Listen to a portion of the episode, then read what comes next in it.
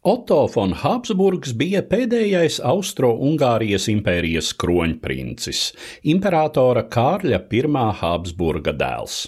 Lielāko daļu mūža viņš bija spiests pavadīt trimdā, kļuva par vienu no dedzīgākajiem apvienotās Eiropas aizstāvjiem un par vecākās Eiropas integrācijas kustības Paneiropas Savienības prezidentu.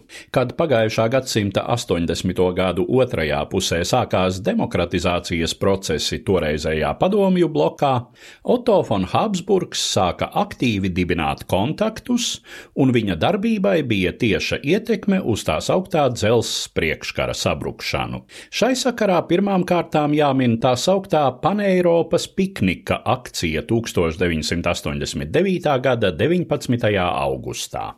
Ideja par austriešu un ungāru tikšanos simboliskā piknikā uz robežas, kuras laikā šai vietai tā robeža būtu brīvi šķērsojama, radās Ungāru demokrātiskās opozīcijas tikšanās laikā ar Otto von Habsburgu Debrecenas Universitātē 1989. gada jūnijā.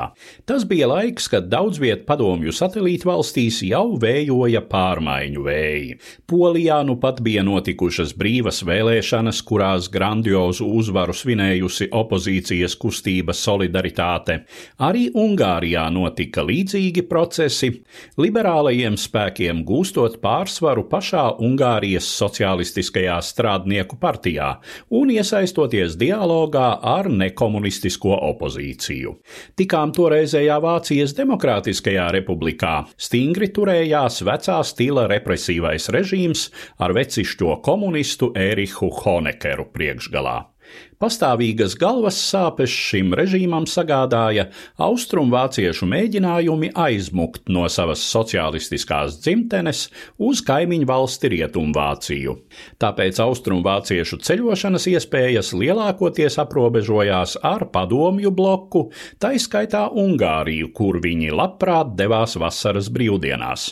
1989. gada vasarā Ungārijas valdība sāka saņemt ziņas, ka apmēram apmēram 100 tūkstoši šo austrumvācu atpūtnieku nesteidzas atgriezties dzimtenē. Acīm redzami viņi cerēja, ka liberalizācijas process novedīs pie robežas atvēršanas starp Ungāriju un Austriju. Budapeštā sāka satraukties. Ko tādi, ja viņi paliks savos kempingos līdz ziemas salam, deportēt atpakaļ uz Austrumvāciju, kur šos potenciālos pārbēdzējus visdrīzāk gaidīja represijas, jau samērā liberālā Ungāru valdība negribēja, bet arī atvērt robežu baidījās, jo nebija droša, vai Kremlis šādā gadījumā neuzsāks kādas militāras akcijas.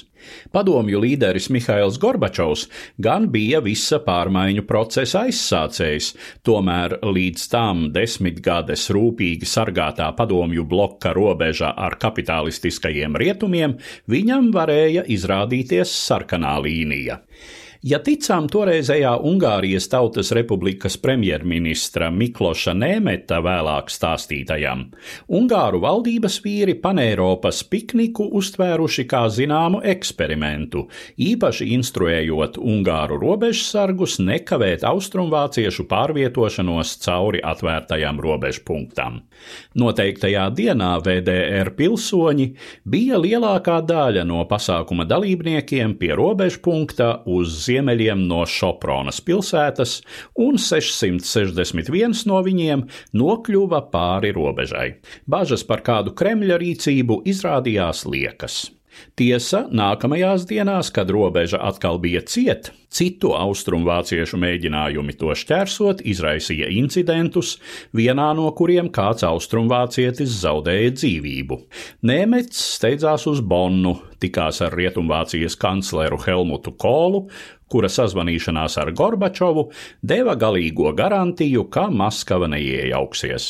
Austrumvācijas režīma mēģinājumi ierobežot savu pilsoņu izbraukšanu no valsts savukārt katalizēja protestus pašā Austrumvācijā, kas beidzās ar šī režīma un līdz ar to visas padomju satelītvalstu sistēmas sabrukumu.